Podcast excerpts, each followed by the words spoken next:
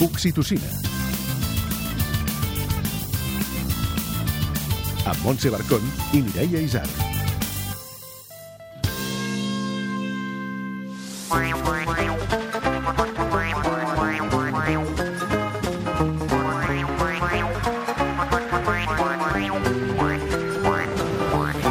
Aquesta setmana el crític de cinema Àlex Gorina ens respon al qüestionari del tu, tots, tothom i ens posa la pell de gallina, eh, Una Montse? miqueta, una miqueta. Entrevistem també Jordi Sunyer, cap del programa d'Infància i Medi Ambient d'IS Global, i Laia Vicenç, investigadora del projecte VISC, per parlar de l'efecte que té sobre la salut de les embarassades i de les criatures la contaminació atmosfèrica. En Xavi Cazorla dispersarà els fums, eh? I tota Això, aquest, això. aquesta preocupació que agafarem posant-hi bon humor. I també repassarem les millors propostes de la recta final del Festival d'Estiu del Circ Cric. La cirereta del pastís serà, com sempre, al compte d'un minut de la Montmàs. I tot això i més... A l'oxitocina!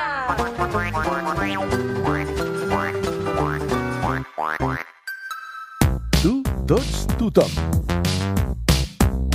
Hola, jo sóc l'Àlex Gorina i tinc dos fills, l'Alicia i l'Alfons. Què no t'esperaves de la paternitat? Jo no esperava que um, unes persones eh, creixin d'una manera tan completa, tan rodona i tan diferent de com he estat jo i ha estat la meva vida. I com, sense voler, els he influït, perquè això és una cosa que hem acabat descobrint amb el pas del temps, però no ha estat ni pretès, ni voluntari, ni forçat. I com, sobretot, a la llarga, he descobert que m'han influït tant ells a mi que ha acabat canviant eh, moltes coses de la meva personalitat. Ha estat un intercanvi de fluids interessantíssim i la paternitat és un model de vida que no és indispensable però que recomano moltíssim. Explica'ns una anècdota. El dia que vaig parlar amb ells obertament de la meva bisexualitat i que, a més a més, tenia ja una parella que continua sent-ho, així una mica tremolós, esperant a veure com seria la reacció, eh, va ser dir, ja ho sabia, fa temps ja tocava que ens ho diguessis a muerte contigo. O sigui que va ser un moment on de cop i volta la vida ens va fer un regal extraordinari a tots tres. Manual d'instruccions.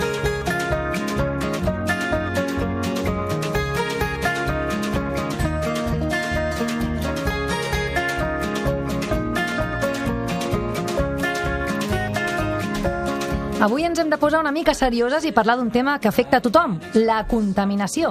Un informe de l'ONU conegut com a GEO diu que el 25% de malalties i morts que es produeixen al món és per causes ambientals. L'aire contaminat s'ha convertit en el quart factor de risc de mort i s'ha calculat que ens escurça la vida uns 9 mesos. Avui ens volem centrar en com afecta els nostres fills aquest aire i fins i tot quan encara són a la panxa de la mare. Per això hem convidat el Jordi Sunyer, cap del programa d'infància medi ambient d'IS Global, centre impulsat per la Caixa, i que col·labora amb els hospitals i universitats públiques, i la Laia Vicenç, investigadora del projecte VISC. Benvinguts tots dos. Bon, Com esteu? Molt bé, gràcies. Bona tarda. Respireu bé, de moment? Sí. Sí? Com Bé. Més o menys. Més o menys. Més o menys. Més o menys.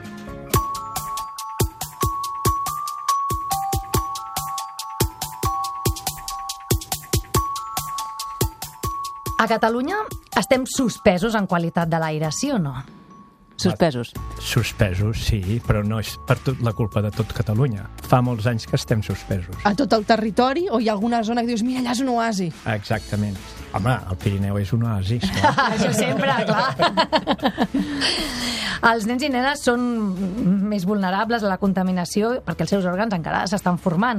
Imaginem que per això els heu triat com a objecte dels vostres estudis, no? El motiu principal és que l'etapa de l'inici de la vida, i més eh, segurament l'etapa prenatal, és la que té unes conseqüències pitjors. Per què? Perquè el cos s'està desenvolupant i vol dir que el dany en aquestes etapes pot ser estructural, és a dir, que quedi eh, fossilitzat en l'arquitectura del cervell, per exemple, i que tota la, eh, tot el reste de la vida arrosseguem, arrosseguem aquesta eh, imprompta que hem patit eh, o que els nens en aquests moments que s'estan en fase de gestació estan patint eh, avui en dia. Mm -hmm. Per això avui presenteu aquest projecte VISC, un estudi sobre la contaminació i l'embaràs on participen 1.200 embarassades. En què consisteix exactament aquest estudi? A la peculiaritat d'aquest estudi és que hem tret les lliçons de tots els estudis anteriors i aleshores fem coses que són doncs inèdites. Per exemple, com nosaltres mesurem durant l'embaràs l'exposició a la contaminació atmosfèrica o al soroll, doncs és molt més avançat perquè disposem d'una maquinària molt lleugera, molt precisa, que podem posar sobre la pròpia mare. Amb una motxileta, no? Li, els hi poseu a les embarassades? Amb una motxileta, Una exacte, motxilla, o sí. altres sensors més petits que mesuren cada segon com va canviant la contaminació atmosfèrica segon a segon. I després l'altra gran innovació és que podem fer exploracions, ressonàncies que avaluen molt finament el cervell eh, en les últimes setmanes d'embaràs. O fins i tot eh, ressonàncies magnètiques quan el, el nadó és molt petit encara. De manera que la informació de la, de la qualitat del cervell, de la maduresa d'aquest cervell, de que s'ha des- desenvolupat fins a aquell moment adequadament, és molt més precisa que en els estudis anteriors. I parlem del cervell, no? Quan fins ara tots eh, relacionem la contaminació amb els pulmons, amb la respiració. I en canvi ara estem parlant també del cervell. Sí, és que no fa tant que vam descobrir que aquestes partícules tòxiques que són les que fan mal en el, en el cos, doncs penetraven en el cervell. I des d'aquell moment es van començar a fer estudis primer amb animals i després amb nens o gent eh, gran, eh, que en aquests s'ha re- s'ha relacionat a les partícules aquestes amb l'Alzheimer. Mm. És a dir, que estem amb els dos extrems de la vida que veiem lo mateix, com si fos un mirall, no?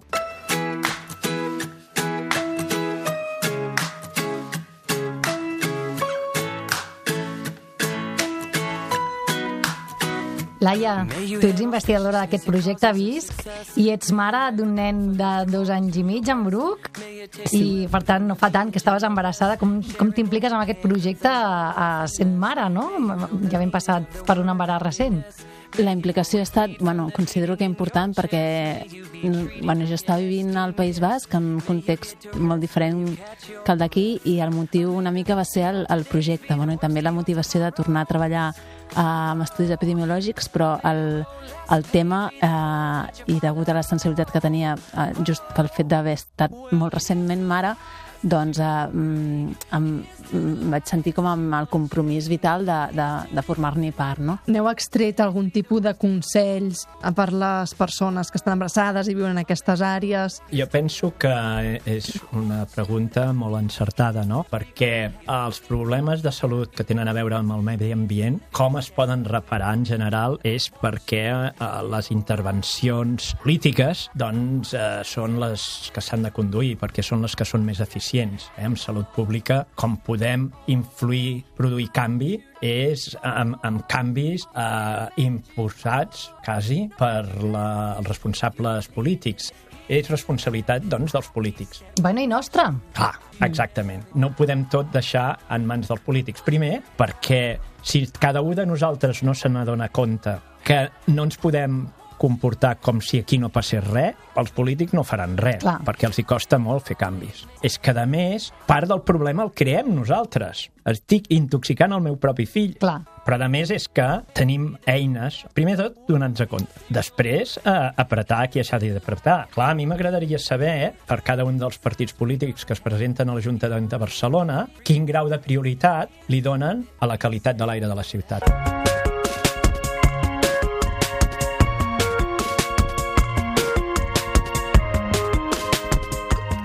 Um, hi ha un altre estudi que vau fer on veu comprovar que els centres escolars en contaminació propera provocava un menor desenvolupament cognitiu. Sí, o sigui, el, la, la peculiaritat d'aquest estudi és que vam mesurar quatre vegades els nens, és a dir, vam poder veure com al llarg d'un any les funcions del cervell anaven millorant, pròpia de l'edat. I aquest millor funcionament del cervell era pitjor en les escoles que estaven en zones més contaminades. O sigui, eh, va ser extraordinari veure allò, perquè eh, no, no esperàvem que tindríem que podria, seríem capaços de veure aquest efecte és clar que teníem 3.000 nens, però sobretot la magnitud de l'efecte. Uh, tornem a què, què podem fer. Jo crec que la nostra obligació, de més d'actuar a nivell individual, també és actuar com a lobby, com a força perquè es produeixi el canvi. Els ciutadans individuals no podem provocar el canvi, si no és pressionant els que tenen el canvi a les seves mans. Aleshores, tot el que nosaltres podem fer és petitet. És petitet. A Xina porten màscares. Jo crec que aquí no, portarem, haurà de tenir uns nivells com els de Xina, perquè és, hi ha gent que no les pot dur perquè s'angoixen molt, no s'acaben de portar bé perquè com que creen aquesta eh, sensació d'ofec, doncs te la treus i aleshores deixa de ser eficient. Màscares. Una altra cosa que fan els xinos eh, és posar eh, depuradors a dins de la casa, que són molt efectius, Ah, realment depuren l'ambient, però per altra banda consumeixen energia, ah clar. eh, s'han de mantenir, el manteniment és, és costós i s'ha de fer bé i, i, i, i, i bé, deixem de ser constants i no es mantenen bé, o sigui que no és una solució miraculosa. I les plantetes? I no, la, les meva, la meva plantetes- idea no. No, a veure, les plantetes a casa, el que sí que nosaltres hem estat estudiant i proposant Sí, sí, sí. és que les escoles una de les maneres per capturar aquestes partícules és fer murs vegetals. Ah, veus? Mm. Clar, tu a casa teva pots fer un mur vegetal, però té molt més sentit a l'escola perquè a l'escola és on tot l'aire... Hi ha un, un, un, un, un transferència constant de l'aire de dins a la fo- a Ah. a l'aula que a la fora, perquè tota la massa de nens entra i surt Clar. constantment de l'aula i això fa que les finestres, encara que siguin les millors del món, no precintin l'entrada dels contaminants de fora. Però llavors... Ai, perdona, Laia, digues, digues. Jo a casa el que faria després de, de participar, bueno, o de ser conscient de l'estudi i formar-ne part, reubicar o pensar mm, on, on estic dormint o si la- mm, l'habitació, per exemple, on dormim amb el, amb, amb el meu fill així, dona a la, a la, al carrer amb, més exposat o que està més exposat i en el cas que tingui disponibilitat d'una altra habitació igual reubicar no? per, tal que l'habitació no dongui a la, al, al carrer més exposat Si és això que deies possible. d'obrir finestres, a casa sempre es diu que s'ha de ventilar. O sigui, ventilar és bo o no? Perquè llavors si ventilem o entra tot el, Has de- carrer. Clar, eh, la, la contaminació al llarg del dia té dues zones que coin- coincideixen amb les hores d'entrar i sortir al, al, al treball. Eh, de manera que és millor ventilar o al, al vespre quan tothom ja és a casa o a la matinada abans O- que la o a les 12 surti. del migdia, o a les no? 12 del Si ets a casa. Al migdia, mm exactament, exactament. En fi, moltes gràcies per haver vingut. Aviam si ens conscienciem tots una mica, perquè... Clar, està a, la mans, a les mans de tots. I d'aquests joves que s'estan manifestant Cada cada divendres divendres. amb la Greta Thunberg al davant. Important, important afegir que necessitem aquestes 1.200 voluntàries embarassades. Ah, això, digues, digues, com, com, com s'han de posar en contacte amb A vosaltres? la web, mira, tenim una web de l'estudi que es diu www.projectavisc.org i a la web bueno, està explicat tota com, en què funciona, com funciona l'estudi, en què consisteix, què, què necessitem i... Evidentment no hi ha cap risc ni per l'embarassada. No, ni... fan ecografies, a Ah, més, i si sí, detecten sí. alguna cosa, fins i tot... Exactament, sí. no, no, Sí. les mares estan molt contentes. No, no, Clar. jo com a mare clar, és, hi ha la cosa aquesta que t'has d'implicar i has de tenir un compromís amb, amb, amb, amb, el, amb el fet de participar-hi, perquè sí que pot ser que això et vinguin els tècnics a cama a casa i et posin allà els tubs i els filtres i pot ser una mica molest, però bueno, jo crec que compensa. Jo, ma mare embarassada, al tenir un control més exhaustiu de tot plegat, doncs em, em calmaria. Que és pel benefici dels nostres fills, finalment. Sí, m'agradaria, sí, sí, també eh, això, reforçar aquesta idea de d'agraïment i Mm. de felicitats a, a la gent de Fridays for Future, no? Sí. Perquè eh, a mi em sembla que des de que el Club de Roma eh, fa ja més de 50 anys va començar a crear l'alarma sobre el canvi climàtic, doncs al final eh, ho vam apartar de les nostres ments. Eh, Escolta, no, ja han passat 50 anys, eh, no n'hi ha per tant, ens en sortirem, ja trobarem el remei. I el que hem vist és tot el contrari. Com ha progressat el canvi climàtic és una velocitat molt superior a la que estàvem eh, esperant. I els canvis que s'han produït s'han produït molt abans, de manera que ja no és una cosa del futur, el, el canvi climàtic, és una cosa del present. Doncs espavilem Famílies, tots. posem-nos les piles, eh? I reciclem-les. Gràcies, Jordi Sunyer, cap del programa d'Infància i Medi Ambient de l'IES Global, i Laia Vicenç, investigadora del projecte VISC. Gràcies per venir i res, seguim, us seguirem. Gràcies Seguirem per convidar-nos. Moltes gràcies. La Coni. La contaminació és un tema molt important i molt seriós, perquè la contaminació al final és com votar a Vox, que tu no te n'adones i creus que portes una vida normal, però t'està cascant per dins. Per això la contaminació és un tema prou greu com per tenir-lo en compte, i més quan tens un fill. I per això avui a Maconi, carinyo, crec que he enxampat a la nena de dos anys fumant. Ah, no, que és el fum de la contaminació.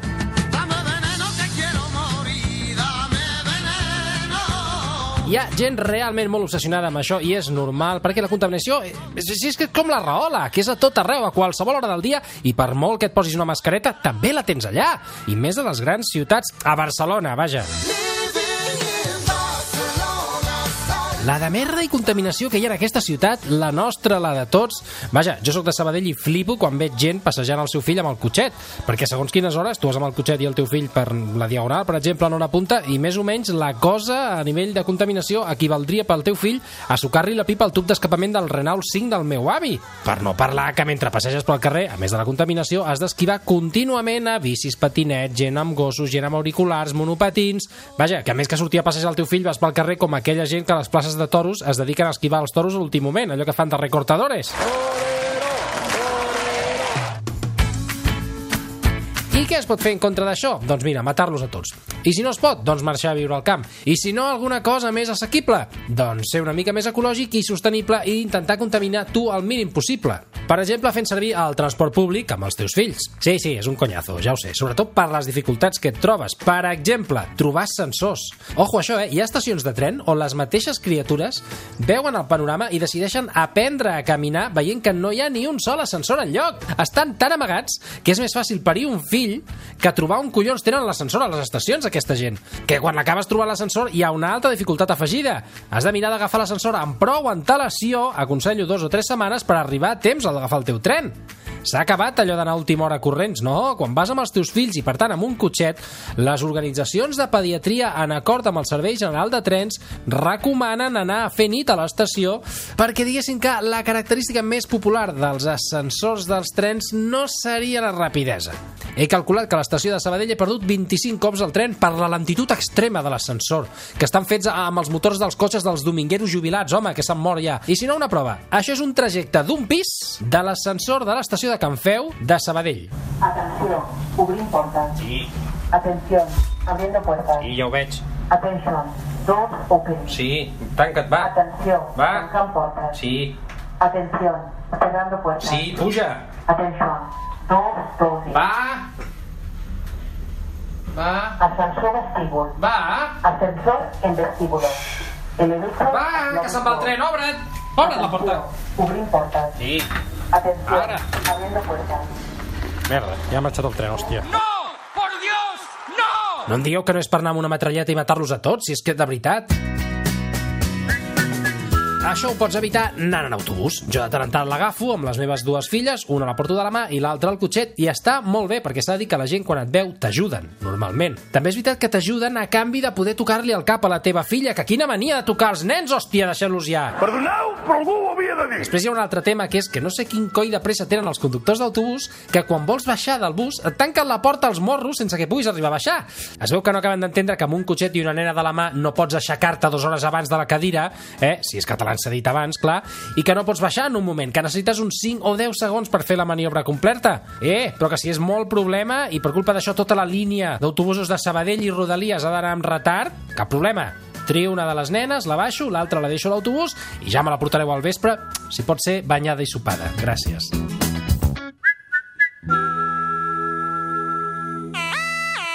Whatsapps desesperats. A mi em desespera la guerra amb el menjar. Per què la verdura no té gust de pa amb xocolata? Seria fantàstic, oi?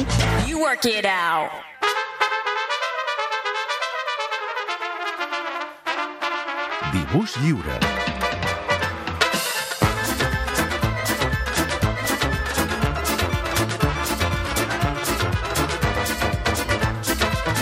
podem fer una super recomanació, de Super, veritat, super. perquè quan hi vas, no sé, aquell dia estàs més feliç. Fins l'1 de juliol, al Montseny, podeu gaudir del festival Circ Creek. I ara, amb tots vosaltres, nens i nenes, grans i petits, Tortell Poltrona! Tortell Poltrona, bona tarda! Bona oxitocina. Oxitocina! Escolta, Tortell, t'hem de doble felicitar. 10 anys de festival i 45 de professió, déu nhi Sí, sí, sí. Estic molt content, eh? Home, quantes espelmes has bufat? Uh, bueno, moltes, perquè entre aquestes, aquelles i les altres... No... sí, sí, sí. Escolta'm, el Circ Creek eh, dieu que és un circ diferent. Explica'ns per què.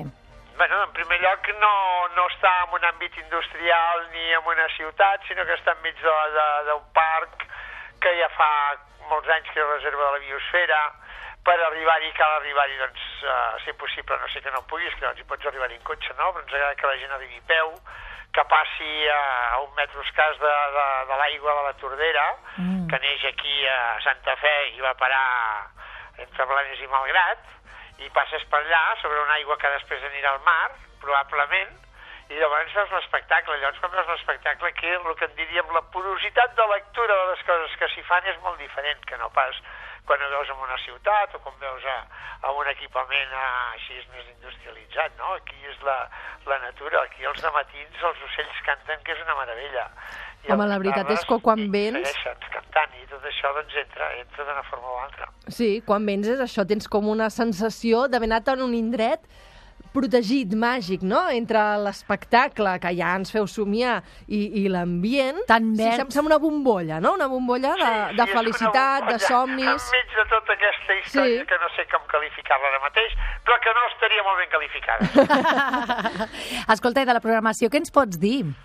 Home, que tot és xula. Bàsicament, eh, bueno, hi ha una programació pública, que és el que fem els caps de setmana, que aquest any estem fent els dissabtes, que fins sembla que és el dia 7 de, de juny, i jo faig l'espectacle postclàssic, que és l'espectacle que m'ha anat quedant a la maleta. Els, els, els números de pallasso són molt difícils d'assajar perquè la meitat de l'espectacle el, el fa el públic. I Mhm, llavors, clar, el públic no saps de què riu, i per tant assajar en una sala i això és, també existeix un pallasso més teatralitzat, eh? Mhm. Però vull dir, el pallasso que a mi m'agrada, eh, que és més eh, a la banda del, de l'actor que es converteix en titella, que ja no és un ser humà, necessita del públic per poder créixer. Llavors, clar, com més temps fa que fas els números, doncs més t'equivoques, més els proves en públics diferents i al final aconsegueixes una de les coses que no és el, no és el riure, però que, que, que també entra del llenguatge del pallasso, que és la poesia escènica que definia el Brossa, no? el Joan Mhm, Brossa. sí. I això, com portes pues, a 45 anys equivocant-te, doncs és més fàcil de, de fer-ho. I els números aquests entren en una maleta, que és la maleta dels números que jo he fet a places, a places, carrers, a camps de refugiats, teatres, a, a llocs d'òpera, jo què sé, per estar durant molts anys i, i, i actuant molt sovint, els he fet moltes vegades i ara començo a tindre cert control sobre ell i això són, no, és, és la meva maleta que m'acompanya sí o no uh, sempre. Són els, les millors fotos d'aquests 45 anys, no? Podríem Sí, dir? bueno, sí, són els, sí. Els hits, els és el hits. número del maquillatge, del micro, el de la puça, el de la bomba, el de la pequeña flor, el dels malabars, el ridi pallacho... No facis més spoilers. Sí, bueno, però són aquests números que el que és molt maco de veure que és que quan venen, venen a diverses generacions, o sigui, una generació que et va portar amb una altra generació i aquesta generació està portant amb una altra generació que en porta una altra. Que maco. Perquè, és clar des de l'any 75, més o menys, de gent que, que ha anat veient alguna coseta, doncs que han passat moltes coses. I els diumenges, eh, el Catacric, no? El catacric, sí, el catacric, que és el soroll d'una ruptura de les íntimes revoltes interiors, que és la cançó que és de... El catacric és, una, és un espectacle grupal on hi ha tres músics en directe, Mhm. fantàstics, el Carles Pedregosa, l'Enric, el Jordi, i després a, a trapecistes de trapeci, a malabaristes, contorsionistes i també pallassos, és clar. I és l'espectacle dels diumenges. I això dura fins a primers de juny, perquè després entrem en el Festival de Pallasses, que és una cosa fonamental per poder canviar una mica les coses, que és una cosa que perseguim des de l'any 2001, vam començar a Andorra, després Andorra va parar, i fa uns quants anys que el vam recuperar aquí al Montseny. I això és la setmana del 10 al 16 de juny, que és el Festival de Pallasses, que les dates claus són el dissabte 15 i el diumenge 16, on se centra tota aquesta activitat bàsicament en el poble i també en l'espai del Cric, aquí a, a, a dalt de la muntanya, però bueno, que és on les dones agafen la, el, el poder de fer riure, el qual és absolutament revolucionari. Si us fixeu, en les pel·lícules de cine mut no hi ha dones que facin riure. I encara ara monologuistes tampoc en veiem gaires a la No, no, televisió, ni... Sembla que no puguem fer gràcia nosaltres. Ah, bueno, doncs, uh, si algú dubta, que vingui. que ho veurà, que això, que a més a més agafen uns altres matisos, agafen altres formes, i a més a més entra molt de, amb el món que s'ha de feminitzar, si no, no se n'en sortirà. Per tant, dintre del que nosaltres podem fer, que és això de la, de la comicitat, fem tot el que puguem. I, bueno, i s'acaba doncs, tot això doncs, el dia 1 de juliol amb una xocolatada, passarà també la troba Kung Fu, ara passa el Marcel Llàcera, que també ve aquí el dia 25, em sembla, de maig, al de matí amb tota una banda de brasilenys perquè va estar dos anys al Brasil. Vull dir que aquí no parem, no parem, no parem. I que no pari mai, que no pari mai, No, Tortell. i entre setmana fem les, les escoles, que és una cosa extraordinària, no està obert al públic, però realment el millor públic del món. Home, Ah. clar, tot de nens i nenes, I amb la boca nenes, sí. oberta. Sí, amb la boca oberta i xalant, però que bueno, els hi posem una, una, una, una vacuna, una vacuna molt bèstia, molt bèstia, molt bèstia, perquè després els agradin les coses de veritat, deixin de mirar les pantalles, deixin de mirar les sèries i visquin la vida de manera personal, unipersonal. Ai, que bonic, tant de bo, tant de bo, de bo que passi això. Escolta'm, però a més de, dels espectacles podem fer més coses, a part de la cantina, on podem menjar i fer un Hi ha beure. un viatge, hi ha un viatge màgic que es fa els diumenges al matí abans de l'espectacle, que es diu el vostre més un circ, que això ho porta la gent de DEM. Aquests agafen a la gent i porten a la gent a passejar per la llera de la Tordera. I a més a més fent comparances de tot el que es van trobant amb el circ, no? Les, eh, les aranyes teixeixen la red, els trapecistes, bueno, els, els bromistes, que són les ortigues, no? I els mosquits, no? Home, bromistes, bromistes, no sé, eh, els mosquits, una mica pesats. No, un poquito, pica, poquito, però pica. Com els bromistes de veritat. Tortell, moltes gràcies per atendre'ns. Volem recomanar a totes les famílies l'experiència de veritat, de tot cor, no us ho perdeu. Recordem que teniu temps de, fins a l'1 de juliol de viure, de riure aquest festival Circ Cric. Bueno, i al mirar la ràdio que passin del, de, de, de, de, de, de l'oficina a circric.com i allà tindran tota la programació, podran comprar les entrades i tota la bomba. Un Doncs ja passeig està. més que complet. No ho veus? Gràcies, Jaume. Una abraçada. Molt bona tarda tinguin! Igualment! Adéu, guapo! Visca! Visca! Cercadors impertèrrits del present etern.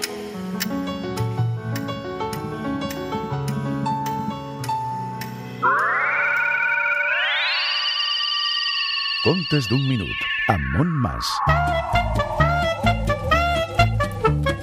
La primera muntanya que hi va haver en el món era tan envejosa, però tan, tan, tan, que volia ser la més alta del món. Així que un dia va decidir créixer. I va començar a créixer, i a créixer, i a créixer, i a créixer. I va créixer tant que de sota amb el seu cim, plup, es va donar un cop contra la lluna. Es va fer un mal, un mal terrible, i li va sortir un nyanyo tan gros que va necessitar gel perquè li baixés una mica. I no sé si us heu fixat, però és per això que totes les muntanyes altes, altes, altes, al damunt del seu cim hi tenen gel, perquè totes han topat amb la lluna. Aquest conte és de Pinto i Chinto, cuentos para niños que se duermen enseguida. Això d'educar és tot un ofici, eh? Ho sap l'Elisabet Pedrosa, que ens deixa aquest missatge. Aquesta setmana a l'Ofici d'Educar hem parlat dels beneficis de fer i també veure teatre amb els joves i la canalla.